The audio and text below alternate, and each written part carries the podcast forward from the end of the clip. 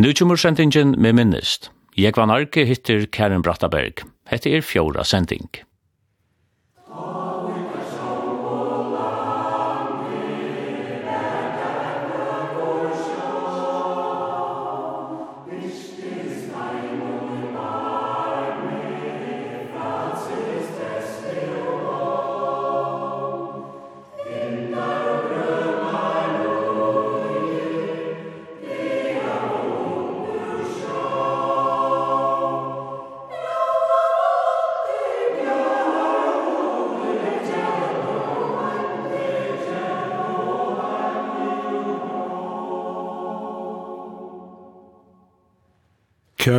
Einar fyrir kom dit heimater ur norra. Ja, vi er og sista dag, og i 1936, ta hava vi veri i 13 måneder, og ta hava vi omgang til tås i telefon til fyrir, så det gjør det man ikke. Men uh, så er det brev, og jeg halde even så rask å skriva, ganske fyrstens kan det, fyrir bæge. Så fyrir vi til heimater. Rune var blivit 20 måneder, Vi færre tullja sted klokkan 6 vi tog noen av oss og til Bergen, og her er et flåfer som skal til Førjar, men det var langt å ta på et år, brått det var et større flåfer. Og et mer hoa litt, til kjøtta flikkvur Bergen, og da vi kom til Førjar, det var det et bekkere som man kunde vanta. Det var råk, men det var også vi ikke om, tog Rune var så gaur Atlanturen, og vi lenta så, og vi køyra av flåvetlen til Øyrajek. Og så kommer bateren Olavur, og tar ikke bilferka kommet. Åttne tek så Runa og fyrir undervien, og hver sitter ni under da er det appen i vaje, Erne Brattaberg. Han er kommet ur om at jeg møte jokken. Åttne tek så Runa og ratter appen og Runa, og Jeg minnes det så øyelig godt i øyebenge for at han får at uh, være smegen og ikke vilja fære fra okken. Han sette seg så bort i fengtjånen. Det var en stortlig mynd. Rune er i reia kinnar og egen i glekka av øyen, minnes det. Det var kjøtt av sikliver rom. Av Vestmanna Kai her stod en landrovar og en bil som kunne køyra, ikke bare et sløtton, Og så visst det var kæve og holka og så framveges, og vi får så, og han kørte. Vi tror jo så at det framman for alltid. Så det var sin trångt, men vi kom allan veien, var på i Kvujvuk, var på i Leinavatt, i Tjungdalen her, og så snøya vi nyan av Åtjarveien. Og vi køyra nyan av Haureskotto, godt at det var gode viskare, så ytla kæva i det. Vi får ångat i urbilen, men Hun kort jo spekelig, ja. Det er virker som av vi kort jo kunne gil, skapelse av en gile. Og så opp at det hinner med igjen. Det som var her, det var at åtjerviveren var ikke sammenbunden. Jeg hadde jeg vært bare vidt av vennen. Det var ikke lett opp for bilversla.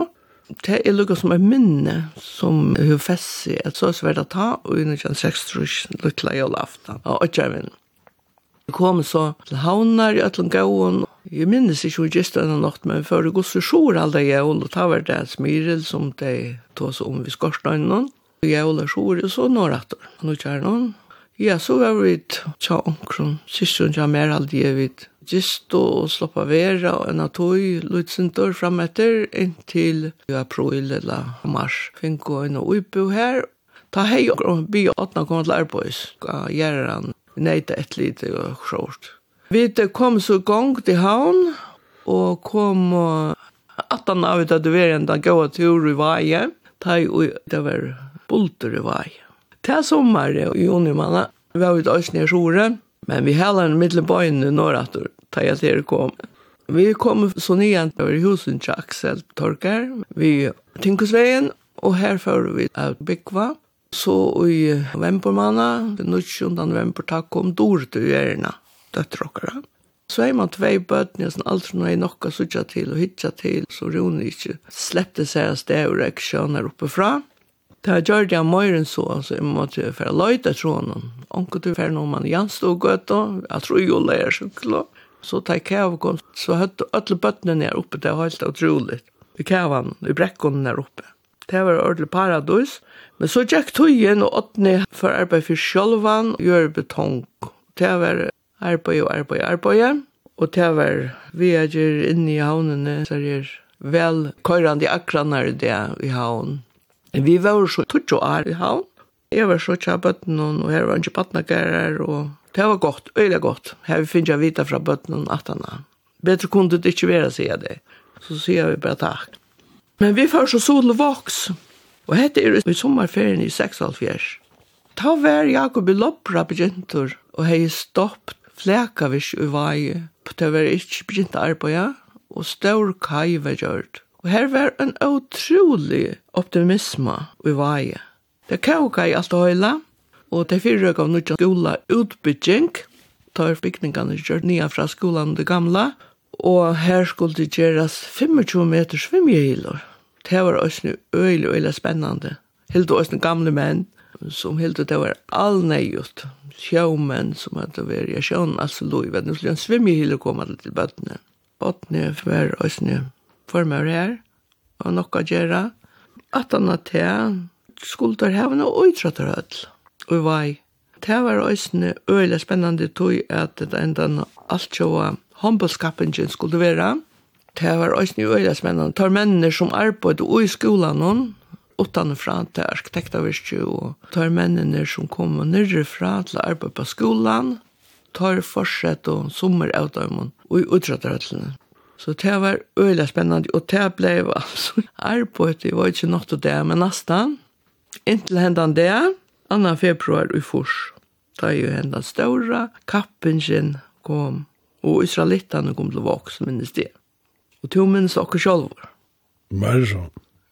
Ta ju te allt var ivstegis okkara seivar er er ta. Så finko det blå batonna og gjørt og hompels holdt for menn. Det var også øyla spennande at det også kom i le. Tjejer skjøtten, ta finko te gress lujusvøll. Her vil nekva myndir fra tog her, åttne og tår. Jeg gjør en den gress lujusvøllen. Og nu er det bare nøkker ting som fører gong ta, på en av veien. Ått var um, kaure ljomor og i kyrkjene, ja. Kyrkjene, beundra i øylene, og alt rom i kyrkjene. Jeg sa sånn jeg uttog hva kunne gjøres. Johan Snosse var i havn, da han hei og hoksa seg om, så kom han sover. Og han gjør det så utrolig arbeid. Vi kjører venjen Men han sier på den vägen att hvis jeg skal komme, så må et annet komme og til et nytt orkel i kyrkorna.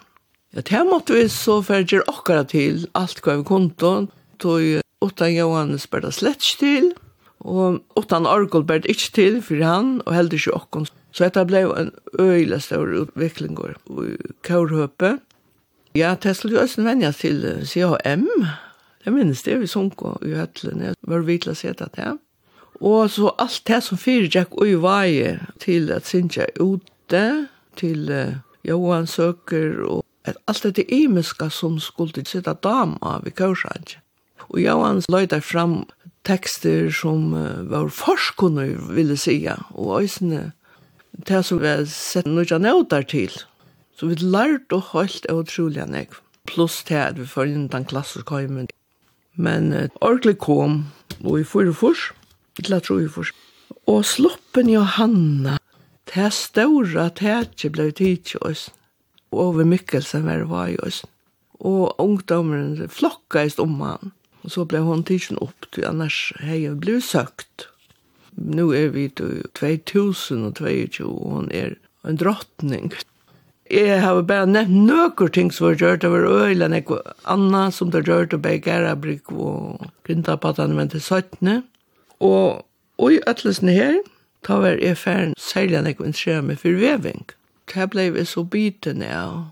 Vi var i skala hvor jeg var et intensivt skøy, kjans Susan Jakobstå, og det var helt utrolig godt, men det var også en dag og natt. Så jeg kjøpte meg vev og sette meg hjemme at utvikla, eisner, og så fører jeg et undervisa. Kommunen i jeg kjøpte tutt og spiltor nudger skafta vever. Det var utrolig spennende. Og her har vi så undervist så gjerne ta og inntil vi fjør. Nøkker er for bortsemittelen tar vi for i halvt vi syrri. Men så gjør det jo også nek heima, privat, kyrkjetekstiler har vi rørst. Fyra messi eklar og til sumpia kyrkje fram i kaur og rundan maltare og til alt. Så det har vært øyla spennende. Og kaurstevnene kom bors ur, Det kom øyla tullja at vi og okkon langt i tveifors at hava en kjørstøvn i vaje. Og til ta var høtlen komen. Til ta måtte vi hava størst rom, kyrkjan var gau, og blå østen brukt. Men vi måtte hava flere gau rom til det var så nek folk. Minnes ikke om det var en 400 folk som kom så år. Men ta var det ikke tannsmyrel. Det var heller ikke den naste, det dikkvann, men målser tog nek folk. Ja, utrolig spennende. Det er i Maimanna, og i Veifors, og, og musikkskolen var begynt i havn. Vi kom noenlunda gong da. Uslenska per Repna og Kjerstan. Ola Hatne, jeg finnes det til havnar. Hun var klaverspillere, og han spalte, og et sånt av klarnett. De kom så over, de skulle være primus motor, at venja vi okon, og så var det Jan Stefansson som konsor. Dette var altså helt utroligt. Vekker var så illa godt, Øsne. Framtiden alltid var brukt av, hvis jeg minns rett, et år, og til minnes folk enn. Det er helst vært høstkvöld og frutjadag og leierdag, så har jeg matt det, sånn kvöld ganske. Der gjør det vidt 18 og 19 og 18 i 2000, så igjen gjør det så ikke vært tog jeg til er brått, men vi er bare i mysterrøtjen alltid. Fyrr var det imsa stedene i Fokla 4, Klaksvik, Våvaven og rundt omkring her, så det er bare tidlig jeg var der. Så er det til at um, Kaure ferien er fer, det var en fer i 4,5 trus, tja Kaure noen, og så hender han ikke. Og i seks og fors halda vi til at uh, Ettersom, og jeg med var kommer og spyr, et eller annet kona fyrst, hva sier du, det er en tur til Polen, Det kom seg av at um, Uvaje var uh, Bjartne Skålom og Eppa til åtte og en son, som var blevet sjukker. Ganske tølv var det også da. Så måtte det nye vinnen, Så han fikk krabba min, og her kom Peter Andro Petersen at uh, henka nek her og prata. Og de har vel sagt en snakk om etter kjør. De er som går bæge vi, som ble ung. Og ser man aldri i ljøm, men det er sikkert alltid vært særstakt. Helt særstakt, vil jeg si, ja. Peter Antro hei så et hos på en av veien, at dette kaur skulle komme en tur vi ser til Pauland. Vi vant og kyrkjene. ja, jeg var ikke med på kom selv, og pratet vi med om det her, som Peter Antro hei sagt. Jeg beit av beina vi. Dette skulle vi gjøre. Sjalt om en sånn tur og krever øylenegv, jeg og en kaure, og at vi måtte få stolar. Johan sier haft kristliga kaure i havn, kjente nekk folk fra lærere stapen og havn Så han fører gongt at ta seg vi teg, som han helt var så inne folk å komme vi, og vi fører gongt til vi er venner. Det var så spennende. Teg kom så år, og vi fører norrår, og vi fikk et program oppe av Slanda. Vi fikk donalig folk. Dette skulle være en fotler busser, det måtte det være, ur København. Och hur så får man en fotland buss ju så ser man till att uh, märkaner kunde bara komma vi och så visst jag har ett onkelbött så kunde det komma oss nu vi. Vi stämmer nu stor. Och det blev så till en buss. Färgerna her nere hej Petranto skitsa och snakka vi till öll her. Han är väl så ofta här. Så han får ofta vi um, forskjellige som uh, ett hospital, hej lagt til så ju så inte brukte. Det kunde vara allt möjligt som jag forstand det så är han tills visser till Polen. Det här var så vanligt. Vanliga start vi tog. Och vi skulle minnas till att det är i sex och fors. Och mora är fallen. Vi skulle då östna roxas vi att, uh, få en visum. Det var en ekmarer att fram, men han var otroliga raskor. Vi var så klara färra och jag man nämna att uh, det var själv sagt att vi hade då en person som skulle fyllas upp vid skriva skulle sitta kjøtla att skriva dæbøker, og det var sånne grønligt, og det er sånne grønligt å skriva, at um, vi fikk hver sitt heftig parst, det var helt otroligt jeg fikk ikke atra til det. Og alle var skriva, og alle som var vi, men bare nevne at det var Randi Hansen, så der sette jeg opp, og så tjekket hånd til hånd. Randi, laknaskrivar, George Kjøtt, jeg, alt var så roddelig kjenne. Og vi får så av sted, og dette er i sommerferien, men Arent til, så var det hent nær vi, Polen. Det var en legend i Tjernobyl.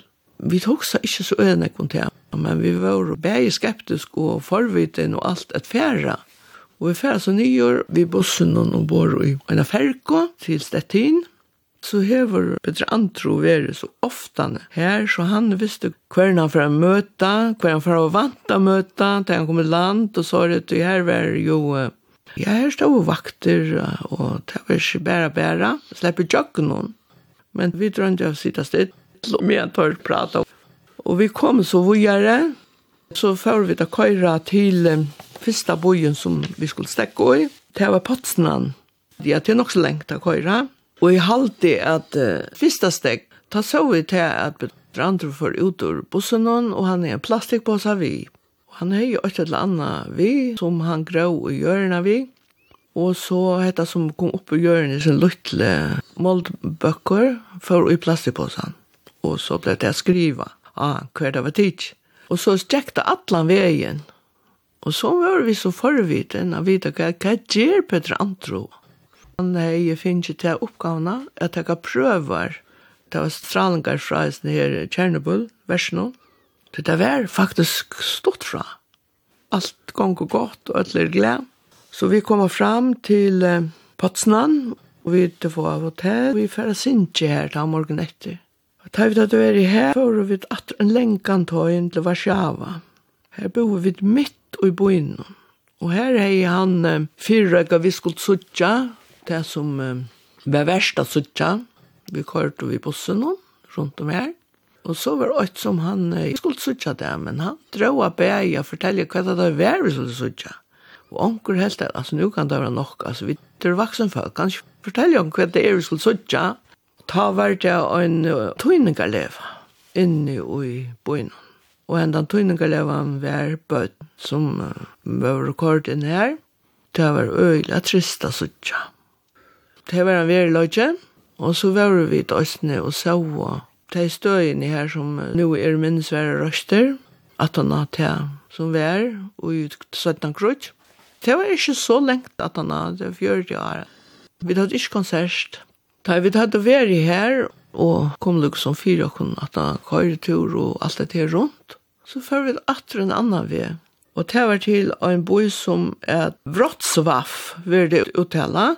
Det var den lutherske kyrkjan som var her. Den einaste lutherska kyrkja som vi uh, var oi, og det var et samband som han kjente vel. Vi hadde konsert her, og han pressen var øyla blodjur. Her var det nekvar gypsemynter i kyrkjene, då på øy og øyna av Marcel Luther, og hon stendur oppe i loften i vokskyrk, det er en sånn lydel, han har finko vid. Men om fram til så skulle han jo inn omkstene vis ned som han heie, og sjukhus, vi var så inne i en høyme, gomelfolk, og ikke bare gomelfolk, men her var en blandengård av folk som kriplengån, som lå og vi drønte Sintja, og sinte fyrtøymann, og det var det. Jeg hette var en eller særstekke tur av tøy, at tøyen var Sintja ondallig, øsne. Vi så øsne var inne her som det høtt og utstillingar, og jeg minnes det kjøpte jo et øyla flott teppe, så håndvåve. Men også ned til vi hva man skulle betale sånne. Det var det snedet, det var ikke kom kila til her nere. Hette var så tanturen, bare jo helt storten om Polen. Vi kom att til Danmark, og så var ganske annerledes hver nætter her. Så var tanturen et enda. Men kørvirksomhet, det har vi sagt noe om, og kaurstevner og alt det. Og kaurlivet sitt friska lov. Johannes er færen, og Nils er færen. nu for korsten, og vi er og eld, at han sånn er kvar. Var det ikke tur i sovjetsamvelden og næsne? Peter Andro, han var alltid framme først, han tog det var på Tamatan, og han eh, sier på en av veien, er for Høymer, København, at om tve år, så skulle vi færa til Sovjet. Tog her var det tusen år alt, den kristna kyrkjen her for et halvt av tusen år alt, Og ta skulle vi færa en tur, og er langt og færa en gong til vi at tåsa vi teier ivre, til han hei særlig samband den veien. Vi til det var øyla spennande. Men Gorbachev er ikke kommet til ta og i seks og fors. Men det hendte så bant at han har at det er for at rødkjast fyrir at han for at uh, råa for borgen her. Og det ble til en verilaga. Vi fører til Sovjet og i åtte fors. Og det var at Petra Antro, Og han er i visser en akono i København som var spesialister og i ikonen. Hun skulle komme vi, og til kom hun øysene. Men vi færre så sted og atter vi stolen ur havn. Fløyre av dem som hadde vært i Polen kom øysene vi, så nu kjente seg så vel. Og vi vant og øysene akkurat russisk. Det var tatt og øysene og en HF-lærinto, så lærte jeg akkurat noen far russisk år, Vi skulle til Moskva, og så ut fra Moskva, her var en fer, som er den gilte ringeren, som var oss færa mal, og folk kunne færa tannveien rundt, og det gjør vi døsne, og det var i bojer, at han akkurat annan her, og i sånn rinkeren, interessant, øyelig interessant. Vi sunk og vi færa inn, og så ikke se ikoner, det var ganske ui så tungt. Vi færa, og vi ser øyelig, øyelig flotte kyrkjener. Det første vi gjør det, det var røyna klantjen ut av damen, og det var helt fantastisk. Ta meste man altså et her, hvis man kjenner og synte til russiskan kaursang, det var her bøyna vi inn, altså. Man meste at det her teier von vi akustikk. Vi var jo i som små og boi og vi kjøpte en bøk som er The Golden Ring, det stod til henne ikke uivig først en jenter i framsyning her kjøpte jo en tver mynter til henne som er gøy med en stottelt øye. Og vi var også nye av museum. Vi var også nye av her som kone skjøt da. Passa vi til her. Og i museum vi så og alle disse diamantene her. Sånn Sarnon og Det er fantastisk at det her var vysa, så var vi da marsket østene, her som det satt og selt da. Rune var østene vi. Han var begynt å tenke på i løt. Og han fengar mengt forskjellig der i iver. Jeg vet ikke, det sa du øyla lunge som marsket noen, og så sa vi til at Og en gammel kone, og sier at her vi er nærre, for at det var ui, at her var okkur størst, og hun drakk brenne brennevoi. Og smakka i sær av med henne, sier at Rune fikk et diskret boila av oss ned med den andre. Akkur som vi sitter her, er det ringt av minnast alt, men vi var også vidtja av et kår, og vi sunko, vi sunko eisen ute, Det var vera en festival og vi dansa av førskan dans. Vi høtte Albert Høgøyl vi, og her Lufberstelse. Og æren til høtte vi vant dansespøl og såret. Inne i en hotell, vi var og det gjør han ikke med nevne okkara Thor Mikkelsen, ja, han var vi, det var herligt altså. Det vi dansa av dansespøl av gongen her. Og her kom en så hoppande ut og sier, og så hatt det gjør vi i jo ikke hver det er, altså, i Russland. Vi kjører det samme slær, ja. Ja, jeg minnes ikke langt vi da var her. i en vik og kanskje, eller sin mor, tog ikke det her. Og her var så avrått at uh, et russisk kjør skulle komme hjem, er vi ikke åkken vi følger jo. Gorbachev, han var så ta, ble med rående her, og jeg vet ikke, vi falt åkken nok så godt, ettersom vi visste om han, og ikke aldri vi tar det sin til å være her, og det tog en gang vi kom hjemmater, og er etter koma deg, og det er større ståren til alle. De kom at bygge og sinja i Vaje og i Norrland Norrlandhusen. Tog jeg det gist og tjatt tøymen, så hørte vi vi okken, og hette var utrolige røtter, som vi aldri, aldri hadde hørt før. Ja, vi skulle så her at det gista til okkon, og vi skilte ikke et år som det tås av, og de skilte ikke et år som vi tås av. Ja, det var jo øylene ansen, men det var alltid tvei og tvei. Jeg tykker ikke til at det var åtte som bo, og negersen er som alt. Vi tatt så tvær, hos okkon, øyle fina bassar. Og vi drømte over å blod, og tar så ukslo på å sove sammen, og jeg er dobbeltsong. Og tar følte seg godt til endan. Det er alltid vekker, det var så ualmindelig godt. Og det kommer altså først til voks. Så er det mæteren og sånt. Jeg har alltid vidt rønt, og et som vi tatt veri her, så rønt vi at djeva dem nokkur som passar i til. Det var sommar og øyla godt vever. Dår der til okkur, når vi var bostor og i alt anna er, og i New Zealand og Australien, var akkur kommet høymator glæver hon og detta var väldigt spännande. Där for å att da flyttet vi inn i okkara hus. Så når jeg omgang til bo her, var så öjlig glad for at det gikk en nytt kammare och allt. Men här är det æren ären för konsert og til disiplin, Så kursankar hon så tar hon för att lätta seg i kammare och Dorta hon är ute vid väninten och Västeröjen og kvart var det. Det var så illa papasselier som henne. Det stångt hon utorna. Og hon kommer at Petter og oppdager at horen er stångt. Og hva gjør hon? Hon ser til at det er en liten glopp i kamersvendene. I kameren her står sova. Og hva gjør hon? Lirka vinter jeg opp. Vi så en lenge og. Fer hon. Ja, inn i vinter Og nere til henne mennene. Og nå leipa tar opp ur sannsyn at det stopper henne. Det er alt at det heter ångsjobryter inn. Og hon fikk en latekrampa av gulvet ikke sagt noe etter året for å klare det bekvämt. Det er är att jag evig, evigheten stå forstå hva det da vi er. där var. Att hon lät håren uppe för sin vid räkna kammer. Men så konserten i kyrkjen er i Vaje, hun er så ångkande glömt.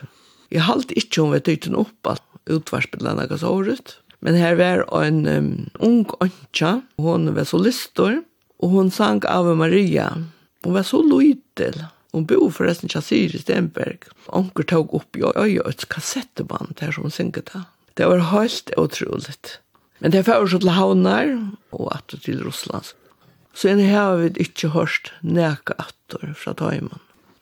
Du hör finnst ikke sørst vi veving. Ja, binding og veving og alt det her at gjøre på sjur. Jeg har alltid det litt til slæg som man sier at skapa okkur for sjur, men uh, skøye som ble gjørst i Skalavøk og i bygdhusen her, det kvøkte så at utvikla. Det var særlig førskott, kvæt kan man gjøre at du i økken at veva. Begge at lekkja gulv og gardiner, og jeg fyrir holdt vi at utvikla og øsne at finna styrkjen og utøy. Og hoksa ikke nek om å leita ta, men øsne slik gleder bostur ur tui søttene ja, det er en løyvsleng læra, et færre framsynningar etla læra av øron, ikkje minst. Og atter i tøyina, helt atter tøyina, fyrsta som man gjør, tja tøymen som er det primitiva, tja var i øylen skjer ui hos man er byrjar på alt det der, og tja var øysene såleis at um, vi kom i samband vi føringar i Danmark, i Roskilde, Vuchingaskipshøll og alt det, så kom vi videre til leire, her som alt dette er opprunalige. Så finko vi et um, lærere hen fra Trudjar. Tar kom så i famara, jeg har skoj, til engstige. Og så kom og fyrir tjo, og nærmengar og ætlan fyrjon her til. Det var primitiv veving. Og for meg var det som sagt altså viktig at for holdt nydelig røtene er vita, og så er det ikke for små at man er oppvaksen, her som alt ble gjørst fra bottenen av hjemme vi hus. Det var en øyelig god førninger å hava. Og dette her er noe som man ikke slipper av i etter. Det ble så til da jo kreppan kom i 92, og alt før svart. Da var vi da så østene i vei, det var så trist. Det var forferdelig. Og jeg vet ikke akkur skal man få for å kvinka lov og etter. Ta før jeg særlig holdt vi mot egna utvikla ur utlene, skiljene vel, og så var utlen som kommer famara, og fikk han spunna ordentligt, og fikk han gjørst til trøtjer til, som ble brukt der til, ta var døtter okkara av oss i Norra, og her var alt det her vi naturforvaltning, og de ville heva trøtjer som var ur natur, og de gjør då en rønt at rekva, øyla lengt, de unge her, på og sur fra, og atlover rekva alt når, men det nådde det ikke, men ui som trøtjer noen. Det var øyelig avverst. Da jeg gjørst her, så kom en kona, Jonnel, du var jeg. Hun spyr, kan du ikke komme her? Gjør dere nå, hva er det alle utlene vekk? Jeg skal bli en annan, så får vi det at gjør dere bort ur utlene, vi får utlene for ikke. Og det var noe som ble utviklet så løs at vi tvingte utlene, det var fyra koner alltid, under Hove, Kæren, Øytron, Jonnel var Østene, og Kata Morsensen. Jeg skulle så få nekka bursir ur som man kunde vise av. Kan det brukes, kan det ikke brukast. Vi sendte så på til Norra, etter til røtterna her, vil at du være, til en spesialist som er et halvraker, som har haft til omhente, spurte man ikke kunne sende omkran til okkara, og vurdere det er som vi gjør det, prøve å søke, og vi fikk en tropenko til feriene, Han sendte så en mann ur norra som hei pikka lutsminna roi, og han kom så og vurdere det. Og han sier til at jo, jo, det er saktans parster av snirt de kunne bruke. Det var godt, og så til å hjelpe åkken, da var det begynt å veie at det var unge arbeid. Og de tog vi så, øsne, og vi vasket av åtlene og torska vennene, så for å vite hva kan man spinne så åtlene før. jo. Måne klaks vi hvert da. Hun sier ja, henne sa du ikke, Så vi skulle ha vann samfingna. Så vi skulle gå sendt at lennare. Sindra nappa av hon, sind samfunnet, men helst til samfingna. Det betyr, det var ikke gjørst, det var bare tidsi som det er. Og vaska, og så sendte vi den år. Jo, hon var så glad. Mona sier til noen at du får kjent sånn jeg som ta. Jeg fikk hans indra penkon, minnes fra Per, spærkassa noen, og onker erkjenn i Østen som jeg kunne betale Mona. Det var sindra avjamt spunnet det sa jeg at det var en rønt, og det var for avjamt at uh, binda vi hånd. Men det var ikke mange. Mange var at få det spunnet således at det kunne brukes at uh, binda i maskin. Så hvis det var større nok, så la det bare og ble ikke brukt. Og jeg fikk det så atter fra måneden, du sier, og jeg heter ikke noe vel torska, sier han, så torska jeg enda ikke. Vi får se å ta sendt av sted. Og jeg unge arbeider, bare prøve forskjellig, vi sier åttene, jeg var så ærren av sånn her, at uh, jeg husker, det her må for gjerne bantarol, det er noe særstakt det her, til det papyr som man kører om et bunte og tekve, og hva skulle standa også bantarolen? Det skulle ikke også årast, men ter av uh, Lamshaskolan som dora gikk, det var så øyelig ærner av sånn her. De skulle teka seierbrev. De skulle teka det som stentor i seierbrev noen. Det skulle det var A, og så år av det her, med Anna, her ivre. Og så skulle de hente en bandarolen gjerast, og hver skulle de hon prentas og svaret, og så for jeg launar til Einars prent. Og nyan av heksbreit, og her var døtter Einar. Ja, og seierbrevet, langt å ta er du i liten. Hon spurte jo, skal du ha det i liten? Jo, det må jeg ha. Ja, så kostar det sånn, ikke? Det kostar jo øyne, ikke veldig. Men godt er, det finnes ikke så mye nekv tekk ur Klaksvøk, at jeg får spyrja til henne heimavisjonen, hun var jo gøtt og ha. Hun var bare blod og tog, jo, jo, jo. Og kjøpte det meste, og så fikk vi penger fra henne. Vi fikk betalt det som vi er. Og de unge falskene skulle vi switche, betale noe til. Og hetta fikk så et navn, Og det ble sett av banderollene, og det fikk navnet av rattene til plagg. Dette var så bare rundt og i vaje. Det var vaskegryter og sånn, nere vi kajen her, hvis jeg minns rett. Men neste år så kom Otlen attor, så da høyde vi et finche gjørst i Famara. Kørene, som var nye tidsen her, det gjørte margarina, drellene. Så vi vet oss finche kørene, stalkør, og jeg legger jo, sette de opp så man kunne stande inne og vaske. Her kom de unge, og så fikk vi en løyere til de unge. Og det var annerledes bjørskammer. Hette huset var jo i 3,5-4,5. Og det var sere gode rønter. Fikk så blå på tonnene til affæra vågjere. Det var til sauna utlene. Men åttene har jo bøyna vei navnet av utlene som heva utl i fargen. og vi begynte å sora utlene. Ja öll de som oi og odla, så øtt vei tro i sveien til, og det blei så større og større, og til endan så tog vi odl, og så kom et spinnerøy som ble sett opp i veie, og det er øye støyene som øll hinne Det var jeg holdt vi grinta batar, og det var kajen der, ser gæra brygg, og det var så stått litt. Det ble så spånne, og i sånn liten, og i forskjellige tjukton, Arjen det er så spørst. Hva er det det grenner jo om når sagt? Er og koner for som sitter hjemme og binda, som det er vær at man vant skipstrødger ur gøt og tekkve, og så tok det inn etter og tilfører til handler og forskjellig. Altså, er det det samme i det?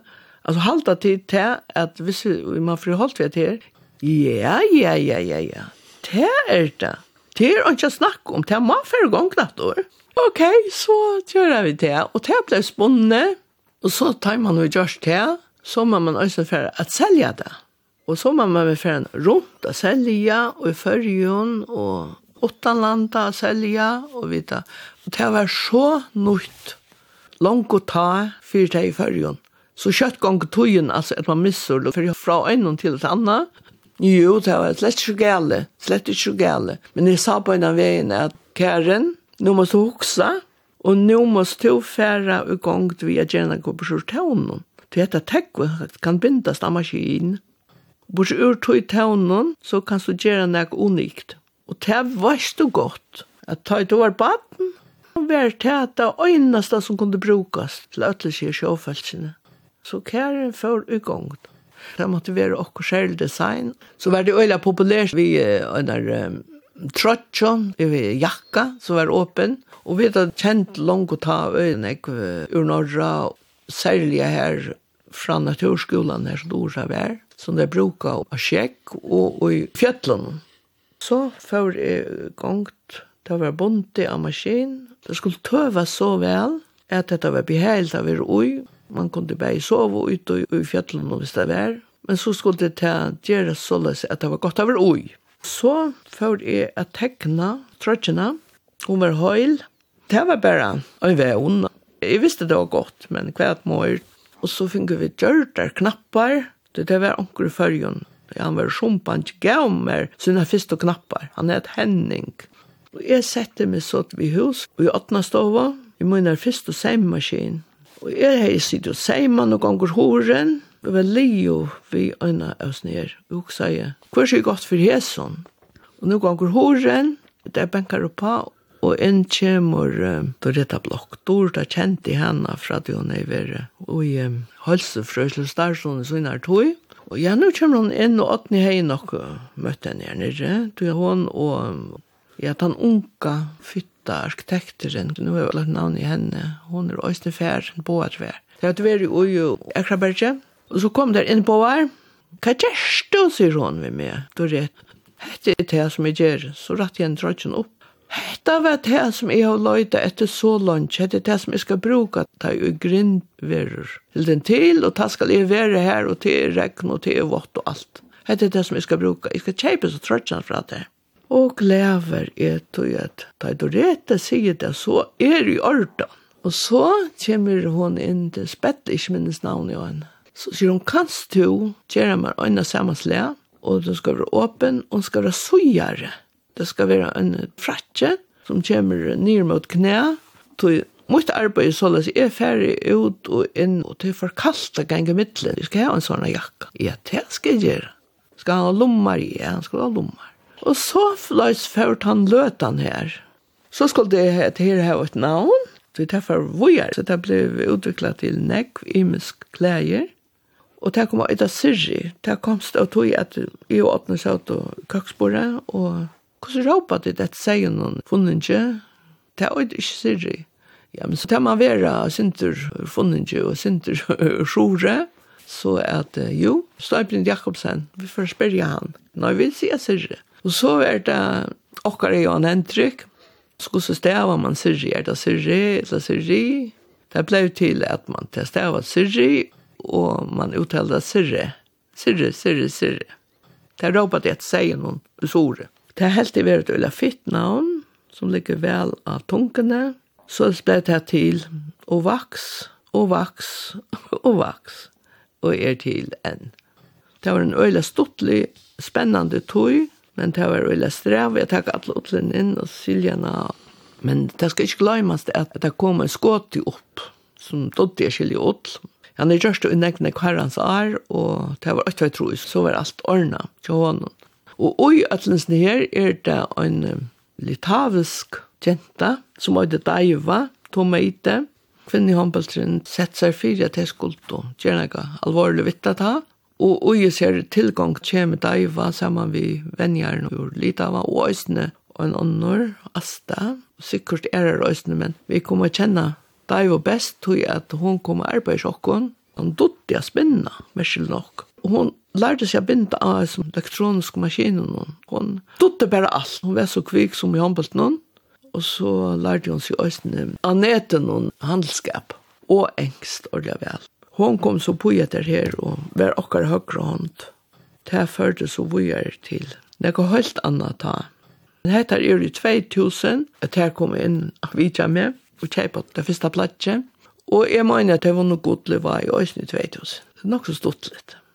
Da jeg var, da jeg var noen år, så sier hun en dag, nei, mamma vil heve at jeg skal komme 18 nå, nå er vi så langt. Tyst tog jeg vil gjerne være langere, men nå ferie. Ta hei åttne haft samband vi Litava, tog det blei så øyda nek å gjera. Vi klarer oss. Jo, det er fem drivnar syrsker, utlandet noen, til jeg klarer ikke et sporningen. Han er tatt vi løyta og funnet et løyte virke her nere, på noen som øyter um, Paneveses, i middelen Kaunas og Vilnius. 100.000 folk bygg vær til en, ikke bare tekstilbojer, men øyla nekt er her, og her vurste seg at Daiva var fra selv, og kvartera køyra hen fra. Hun visste alt om det her, så underlig hun tingen fettla. Jeg vet, uh, kjøpte så virkje og i smavun fra Tøymens det åtte da, det var privat. Og så løs at vi kom og at heve gosses vi er mørlotan og utøy, inntil vi det enda kom og gjette alt.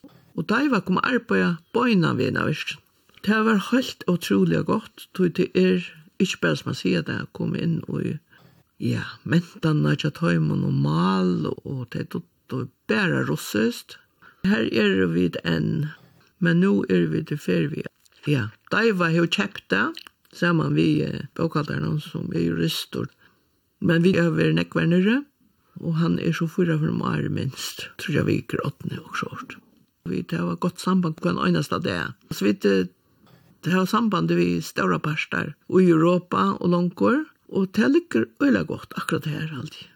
Og så er det flott til havnar. Ja. Nå er vi flott til havnar. Det er kanskje jeg nevnt, det er faktisk vi er nok så langt. Og så og mamma så kom inn på at så er jeg nå i 15, ta ble sjuk. Det er øyla tungt.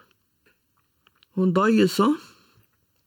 Man er så vær nekvar ivre, og så har det Ja, hva gjør man så? Ja, så visste det seg altså at uh, noe så bare Rune etter, det var bare tvei. Og han bor så ærtjon, og så måtte man vurdere. Ja, det var så godt at vi kom med tankar om at vi aldri færre bare atter launar. og det er ordentlig godt. Husen er jo her, og vi var bare bestemme at om kan tenke seg av å løye det ut. Og vi kunne alltid komme her, og til at det er mer å snøfære nå, første dagen. Vi er kommet i rattla i havn, ordentlig. Og det er godt. Bøtten er tjadort og er kommet fyrir seg, og dronkeren åttende, han gonger av oss her som håndvermen til innanfyr rockskap økonomi. Og hon er færen skjer en tur, på samme måte som mamma så før, hun ført til Australien, og skal oss til New Zealand, så tar hun som atter, så, så færet hun nok. Vi er frusk, så ikke så vi vet det. Vi har alltid hatt det godt som det er. Så får jeg si det takk for det. Ja, takk. Og lykke med det.